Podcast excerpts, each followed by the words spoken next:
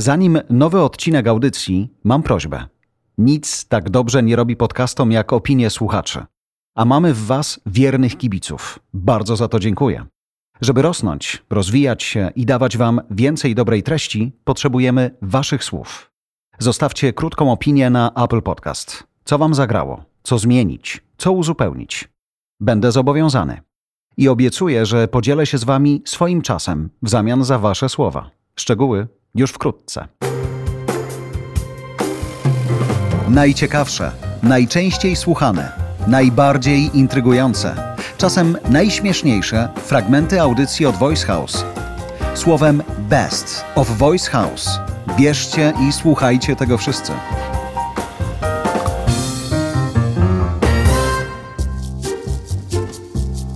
Ekonomicznie. Rafał Hirsch i Jarosław Kuźniar. Masz więcej złotówek czy euro w portfelu? W czasie wakacyjnym? Złotych, Jednak. tak. Jesteś takim patriotą walutowym? Znaczy, miałbym euro, gdybym spędzał wakacje za granicą, a w tym roku akurat nie spędzam. Yy, Nie dlatego, że jestem patriotą walutowym, tylko obawiam się powikłań po covid wiesz, takich, yy, czy takich po- powikłań w sensie, że pojadę gdzieś za granicę do jakiegoś kraju i ten kraj nagle zmieni jakieś zasady i się okaże, że potrzebuję jakiegoś dokumentu, którego nie mam i będę stał 8 godzin na granicy. I płacił za niego w euro. Jeszcze, na przykład. No, Znaczy to, że koszty mi wzrosną, to jeszcze pół biedy. No gorzej, że będę stał z dzieciakami w samochodzie w jakimś korku, bo gdzieś tam kogoś nie wpuszcza. No to za rok sobie pojadę. Tak? Płacił na autostradzie, szukał tych drobnych eurachsów, a przecież tego nie ma. Chcielibyśmy porozmawiać o tym, czy powinniśmy iść do strefy euro, ale już tak powiedzmy bardziej na poważnie niż kiedykolwiek, dlatego że pojawiły się ostatnio badania, które mówią, że Polakom nagle to euro jakoś w duszy zaczęło grać. Tak, i to, są, to jest niesamowite badanie. To jest Eurobarometr, czyli to jest badanie prze, przeprowadzane regularnie, co roku w dokładnie ten sam sposób, więc jest porównywalne, prawda, w kolejnych latach, bo to jest to samo pytanie.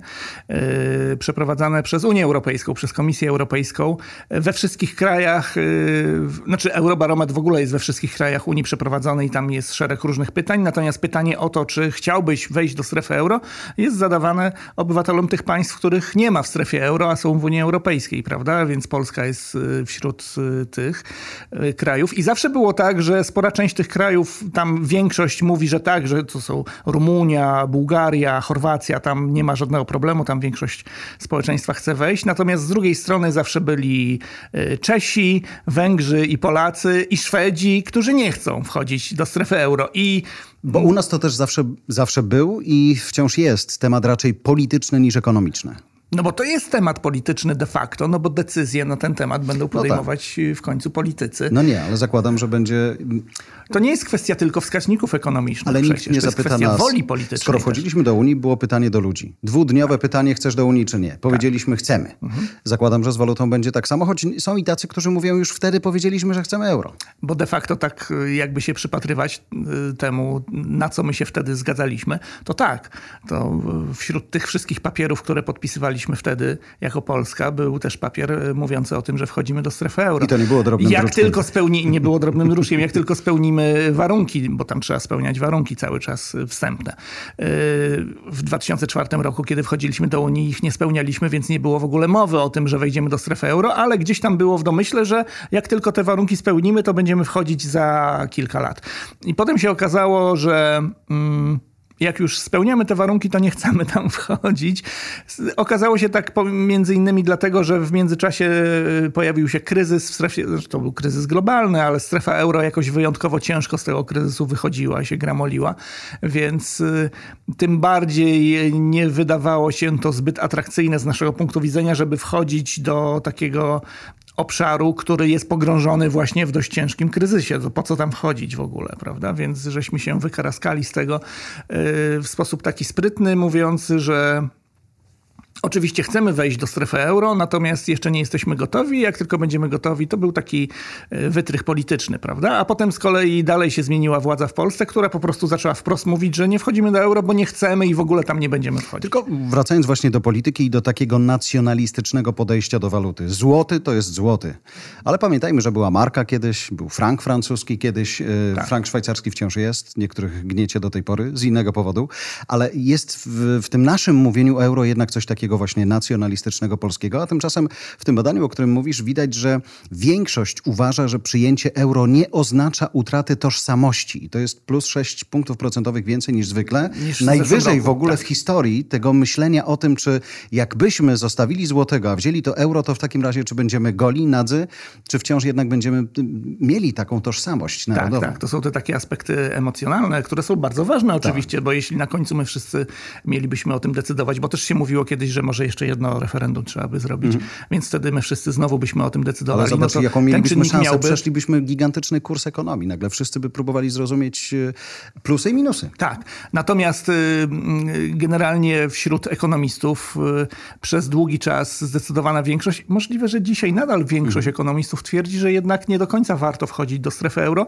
z zupełnie innych przyczyn, poza emocjonalnych, z przyczyn zupełnie czysto gospodarczych, bo są dwa bardzo ważne aspekty. Jak masz swoją własną walutę, to po pierwsze zarządzasz samodzielnie tą y, walutą, czyli możesz na przykład interweniować na rynku walutowym, jeśli uznasz, że gospodarka jest w tak ciężkim stanie, że jest w jakimś kryzysie yy, i łatwiej będzie wyjść z tego kryzysu, jak y, osłabisz sobie walutę, bo wtedy eksporterom na przykład jest łatwiej, budujesz konkurencyjność eksporterów dodatkowo na rynkach światowych, no to wtedy decyzja o tym, żeby osłabić tą walutę jest w tym kraju, w Warszawie w naszym przypadku. Tak? Gdybyśmy byli w strefie euro, no to musielibyśmy na, y, w gronie y, Europejskiego Banku Centralnego, mielibyśmy tam swojego przedstawiciela i on by musiał przekonywać wszystkich innych, że zróbmy to w przypadku euro, prawda? I nie wiadomo, jaki byłby efekt. No, Wyobrażam było- sobie, współczesna władza w Warszawie by tego nie przegryzła. To, to nie, nie, nie widzę tego, żeby się Wiesz, jeśli zgadzali chodzi, na to, że jeśli jakiś... chodzi o takie czynniki czysto polityczne i o władzę, to też warto sobie wyobrazić, że gdybyśmy weszli do strefy euro, bylibyśmy piątą największą gospodarką w strefie euro. Mhm. Po Niemcy, Franc- Niemczech, Francji, Włoszech i Hiszpanii. Na piątym miejscu. Jesteśmy większą gospodarką niż Holandia. I w zarządzie Europejskiego Banku Centralnego jest pięć miejsc. Mielibyśmy najprawdopodobniej mielibyśmy człowieka w zarządzie Europejskiego Banku Centralnego.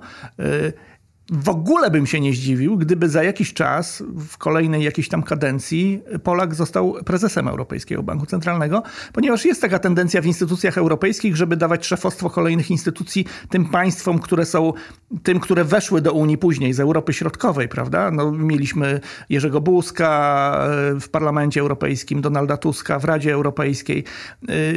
I jeśli chodzi o Europejski Bank Centralny, to ze wschodu Europy do strefy euro weszły takie same ma małe państwa, z całym szacunkiem, ale to są małe tak. gospodarki, więc jakby trudno. Podejrzewam, że mogłaby się pojawić taka, y, taki pomysł polityczny, żeby dać szefostwo y, Europejskiego Banku Centralnego komuś z Europy Środkowej, ale to też musiałaby być jakaś odpowiednio duża gospodarka. Gdyby Polska była w strefie euro, myślę, że byłaby całkiem serio rozważana. Moto Stories. Patryk Mikiciuk, Łukasz Kamiński i Kacper Majdan. Ja, jakbym zobaczył fajną pandę na ulicy, a najlepiej w wersji 4x4 z otwieranym, e, rol, rolowanym dachem, od razu idzie na Instagram, od, od razu idzie na Instastory, e, jakby, jakby było. Moja propozycja tego auta może wzięła się stąd, że żyjemy też jakby nie patrzeć w trochę zamkniętej bańce petrolheadów, e, którzy po prostu Fiatem Pandą jakkolwiek się jarają. Ja na przykład jak mijam tego typu auta, zdarza się w sumie to rzadko, czyli mamy jakiś tam pierwszy wyróżnik do tego, żeby auto było na ulicy postrzegane jako bardziej wyjątkowe. No ja się odwracam. Jak widzę i myślę, że nawet jechaliśmy raz z Łukaszem, mieliśmy e, Fiata Pandę, to we dwóch się za tym autem odwróciliśmy, czyli Ale- jednak coś w tym jest. Ta pierwsza, ja uwielbiam pierwszą generację, tą taką pierwszą przedliftową Fiata Pandy. Nie wiem, czy pamiętacie, ona miała fotele, które były z rurek. E, Taki hamak był z tyłu w ogóle I rurki fajnie. były takie, wiesz, z takim płótnem naciągniętym, że siedziałeś, nie miałeś sprężyn, nie miałeś takich normalnych, tylko tak jakbyś namiot rozłożył, taki leżak. Do tego miałeś, e, a Fiat reklamował to, że możesz przewozić dzieci bezpiecznie tym samochodem. Wiesz jak? W innym samochodzie pewnie. Nie, absolutnie. Z prawej i z lewej strony z tyłu miałeś takie haczyki, tak jakby do wieszania marynarki. Do tego była taka chustka, która była hamakiem i tam kładłeś niemowlaka i on sobie tak dyndał za twoimi plecami. Boże. Nie, ale Tylko wiesz, Włosi, tylko ale nie, Włosi. bo to jest jakby kompletnie inna rzeczywistość, kompletnie inna świadomość, ale to nie uważasz, że to jest cudowne? Mm, Ja nam sobie tam nam dyn- dyndał, e, w ogóle to jest cudowny sposób na uśpienie dziecka w samochodzie, no w ogóle szkoda, że nie cudowny można. sposób, żeby się wyróżnić, jak masz powieszone dziecko z tyłu, jak jakaś szynka parmeńska. W końcu mówimy o włoskim aucie. Daj spokój, a w Polsce myślisz, że co się działo? Ja pamiętam, miałem nauczyciela z historii, który miał, siedmiu, miał e, pięcioro dzieci. Pięcioro. I wyjeżdżał na wakacje Fiatem 126P z tą piątką dzieci i z żoną załadowani. I jak my się pytaliśmy, ale co tu przecież z tymi najmłodszymi? On mówi, no te najmłodsze, te, najmniej, te najmniejsze to kładę, kładziemy z tyłu na e, półkę i kierowcy ciężarówek e, myślą, że to, że to lalka i trąbią. No więc, hello, jakby zmieniła się rzeczywistość, zmieniły się Chcę do e, tamtych czasy. czasów. Ja, ja wiem, czy wiesz, no pewnie, pewnie nie chcemy jednak do tego. Możemy omówić o tym z uśmiechem. Ostatnio widziałem przepiękną reklamę Fiata 131 albo 132 włoską, gdzie oczywiście te reklamy takie, wiesz, lata 70., te ujęcia są takie totalnie przedłużone, tam się nic nie dzieje, oni jadą tą ulicą, tymi zakrętami i tak dalej, i tak dalej. Ale reklama jest taka, że facet po prostu jedzie, nie, nie gasi w ogóle e, e, papierosa, cały czas do okienka, do lufciku zrzuca ten, e, ten i dzieci się z tyłu bawią w tam, wiesz, w jakieś łapki, nie łapki i tak dalej, a ten cały czas z tym papierosem, wiesz, jedną ręką ten Fiat bokami, wiesz, przelatuje przez wszystkie rzeczy. Tak wyglądała oficjalna reklama Fiata. No pozmieniało się. Troszeczkę faktycznie. Ale wracając do jakby naszego aspektu, no dobrze, jeśli Panda nie jest takim samochodem, mm, obiektem westchnień spoterów, to co kupilibyście mając na przykład 25 tysięcy złotych, żeby poruszyć serce spotera? Ale ja wiem, czy, czy spotter jest dobrym wyznacznikiem. Wiesz, ja to Absolutnie. powiedziałem to, to, to jakby trochę naprzeciw temu, co, co e, tej tezy, którą ty wysnułeś. Natomiast fakt dla wielu jest wyznacznikiem. Ale czy jest wyznacznikiem? To nie te budżety. To, nie To te teraz budżety. tak. Mm, pewnie tak, ale mając 25 tysięcy złotych, co bym kupił, żeby, żeby to było coś naprawdę mega wyjątkowego i żeby goście mi zazdrościli i mówili wow, że jest fajnie. Ja mówię, wow, fajny masz ten samochód. Żeby ktoś ci, o, powiedzmy, żeby ktoś ci co- coś takiego powiedział. Też bym chciał mieć takie auto. O, to może jest ten wyznacznik. Mhm. Tak? Dobra, 25 tysięcy złotych. Mercedes R129. Jakąś wersję 300 benzynową, nie 500, pewnie się da zrobić do dopieszczenia. Świetna ma, e, Mazda, oczywiście klasyka, czyli Mazda MX-5. Co jeszcze możemy z takich różnych dziwacznych e, samochodów? Ja bym parę, ty, te 2-3 tysiące jakby dołożyć, to myślę, że o Si- Rollsa Silver Shadow można byłoby się już starać. Już nie, nie, Już nie. chyba już nie. Poza Wiesz? tym, wiesz, to jest, to jest e, ślepy zaułek, mówienie dołóż jeszcze 2-3 tysiące. Pamiętam w sumie, jak ty kupowałeś samochód. Dołóż od, od czego się 70. zaczęła, na czym się skończyło. No właśnie. Więc ja mam ciekawy chyba, e, nie wiem czy bym poszedł w, e, w ten samochód, ale Peugeot 205, Cabrio. Cabrio na przykład. Kurde, chyba wydaje mi się zbyt mało spekt... Wydaje mi się, że bardziej spektakularny będzie 124 Mercedes w kupecie.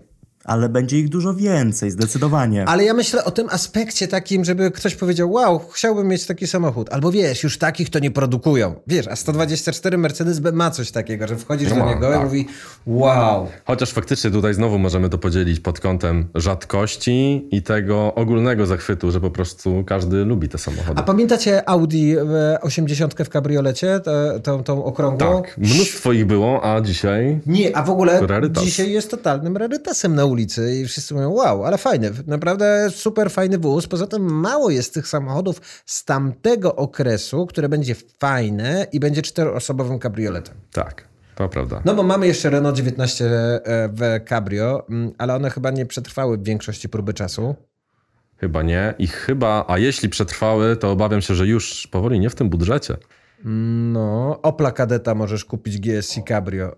Wczoraj mi pisał facet, że chce sprzedać swojego Opla Kadeta GS i Cabrio jeszcze ma fajnego, bo ma na, na digitalach. I oddawał mi go chyba za 10 tysięcy złotych, czy 11. Jeżdżący, wiesz, normalny, e, normalny, fajny. Pamiętam, bo miałem go kiedyś w programie em, i, całkiem, e, i całkiem fajnie e, jeździł. Przeglądam teraz oto moto, moto, moto Lexus LS400, 26,5 tysiąca, czyli pewnie do kupienia za 25 tysięcy. Rozmawiałem ostatnio, e, dostałem też ofertę na fajnego LS-a za 15, który był jednym z pierwszych LS-ów w, Polsce e, w 1990 roku. E, da się. Jakby wiesz, no to też pokazuje, że, że da się i na pewno się wyróżnisz. No zobacz. Jest jeden gość w Polsce, który e, kocha LS-y, jeździ i pokazuje go w każdym teledysku. To prawda. Jest biały LS, to jest PZ, tak? PZ. PZ jeździ e, białym, e, białym Lexusem, ale wiesz, ja, ja go spotkałem i do- dowiedziałem się o tym nie, dla, nie z teledysku, tylko z ulicy, bo kiedyś jechałem i nagrałem, mówię, wow, ale fajny Lexus. Nagrałem go oczywiście na Instastory i zaraz ludzie mówi, powiedzieli, ty, no przecież to PZ, no co ty, chłopie. Zeta nie znasz? no właśnie. English Pro. Olga Pietrykiewicz. Dzisiaj będzie na czerwono i dzisiaj będzie red flag i to będzie nasz początek, a następnie przejdziemy do słowa, y, czy w zasadzie skończymy na słowie volatile. I to jest słowo, bez którego nie wyobrażam sobie mówić o finansach czy sytuacji na rynku, choćby nieruchomości, więc mam nadzieję, że to będzie bardzo ciekawe dla naszych słuchaczy. Ja myślę, że już wszyscy odeszli, usłyszeli co będzie. Myślą sobie, Boże, po samym spisie treści wiem, że nie będę słuchał tego dalej, ale wiesz co? Dajmy im cholera szansę. Wiesz co, a jak ty jesteś taki bystry, to z ciekawości Ja nie powiedz jestem mi... bystry, jestem tylko złośliwy. A no, y, u ciebie to na jedno wychodzi, ale a jakie słówka pamiętasz z ostatniego odcinka o tych y, słówkach nieużywanych przez Polaków? Aha, nieużywanych przez Polaków. Poczekaj, mam internet przed sobą, se wygoogluję. Pamię- na razie skupiłem się na tych ostatnich naszych lekcjach, czyli jestem cały czas na igrzyskach, jestem, na, jestem w Tokio i staram się nie dropnąć deboli.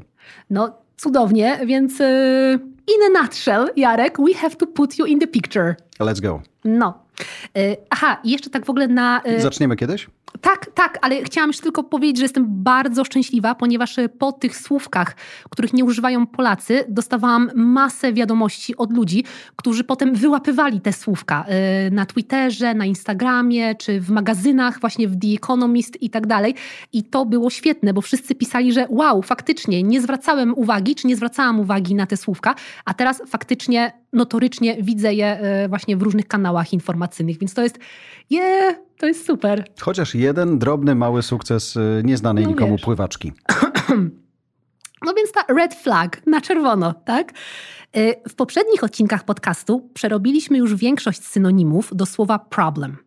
Bardzo mi zależało, żebyście znali takie słowa jak. No, Jarek, jakie są synonimy do problem? The problem y, no, są takie synonimy jak te, które właśnie zacytujesz. No nie dałaś mi dzisiaj żadnych notatek, no to skąd ja mam to wiedzieć? Z głowy? A ty tak katujesz swoich uczniów? Ale oni, Że oni mają naprawdę cofać się do tego, co było na lekcji wcześniej? Dzisiaj mamy nową lekcję. ale oni sami o to Carte proszą. blanche. Mhm. Mhm, jedźmy.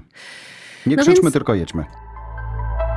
My mówimy tutaj o słowach setbacks, adversity czy obstacles. Si, to pamiętam z jednej z lekcji. A proszę powtórzyć. Setback, Mhm. obstacles, I adversity. adversity. Super. I te słowa to jest jednak podstawa języka biznesowego, szczególnie jeśli rozmawiamy o niekorzystnych sytuacjach lub chcemy przekazać złą wiadomość. Ale pomimo tego, że nauczyliśmy się już tych fenomenalnych słów, ja cały czas jeszcze czułam niedosyt i ciągle wydawało mi się, że gdzieś nie dowieźliśmy, że jest jeszcze jakiś zwrot, który świat biznesu używa, a my w Polsce nie bardzo. Co więc zrobiłam? Jarek, jakiś pomysł, co zrobiłam? Ale nie usłyszałem pytania. No więc y, skrócę twoje cierpienia. Y, poszłam do Empiku, kupiłam Financial Times, The Economist i Forbesa. Wzięłam zakreślacz i do roboty. I po dwóch godzinach eureka, mamy to. Zwrot, którego szukałam, to red flag. Mhm. Jarek, powtórz na litość Red flag. Pięknie. Ale Mhm. naprawdę trzeba było kupić, wydać pieniądze na gazetę, żeby przeczytać red flag? Y, tak, ponieważ ja chciałam mieć pewność, że to na pewno jest to i że nie wprowadzimy naszych słuchaczy w błąd. Okej, czyli jesteś przygotowana. Nareszcie, chociaż raz. Red flag znaczy? Znaczy słowo problem. I dzięki temu właśnie mamy cały zestaw pięknych synonimów do słowa problem, takich jak setback, adversity, obstacle i red flag. Mhm. Obstacle, red Mhm. flag. Setback, adversity i nasz dzisiejszy bohater red flag. Czyli pierwsza lekcja była o tyle ciekawsza, że pojawiły się aż trzy słówka na, e, e, na, na problem, a teraz mamy Nie, aż jedno. weto, nie, wprowadzaliśmy je stopniowo, tak żeby nikomu nic się nie pomyliło. O, przepraszam. Czyli jednak słuchasz sama siebie, to dobrze. To dobrze rokuje na przyszłość. Mhm. Mamy red flag. Moją, nie twoją. No ale teraz czas y, na zdania, które znalazłam właśnie w tych magazynach, o których wspominaliśmy. I tak, Financial Times proponuje: Market dominance is always a red flag. Market dominance is always a red flag. Pięknie, super. I pięknie zaakcentowane słowo flag. Gratuluję. No tego się akurat nauczyłem, choć muszę Super. to p- powtarzać po tobie. Ale e, całe zdanie znaczy?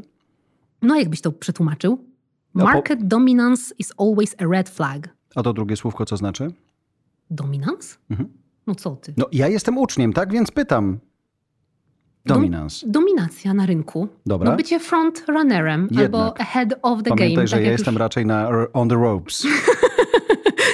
Ale widzisz? Pamiętasz. Red flag. Ale całkiem serio, a propos e, on the ropes, szanownych słuchaczy, odsyłamy do e, dwóch odcinków wcześniej, e, tych słówek, które są, idiomów właściwie, które biorą się ze sportu.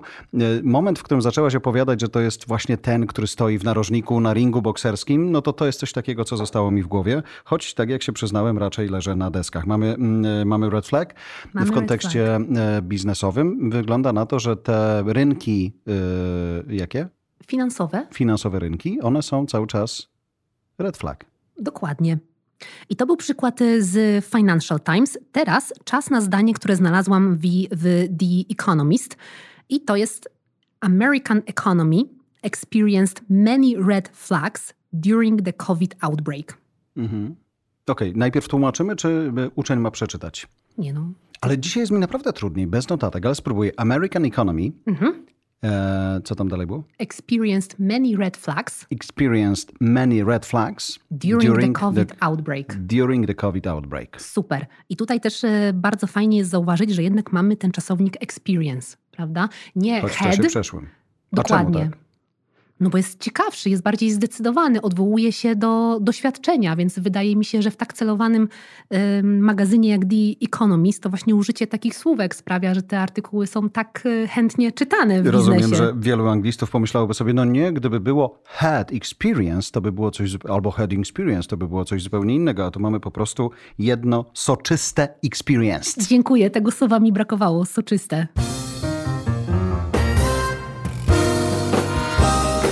Dziękuję za Twoją uwagę. Oceń te nasze rozmowy. Twoja opinia, zostawiona na Apple Podcast, pod każdą audycją, pozwala usłyszeć je większej grupie ludzi. Napisz kilka słów i zostaw pięć gwiazdek. To pomaga nam się rozwijać. Jeżeli masz pytanie, nagraj je na telefon i wyślij do nas. Wykorzystamy w kolejnym podcaście. Zasubskrybuj także inne podcasty od Voice House. Znajdziesz je na każdej platformie podcastowej, w każdym kanale social mediowym. Zapraszam też na stronę Voice House po więcej dobrej treści.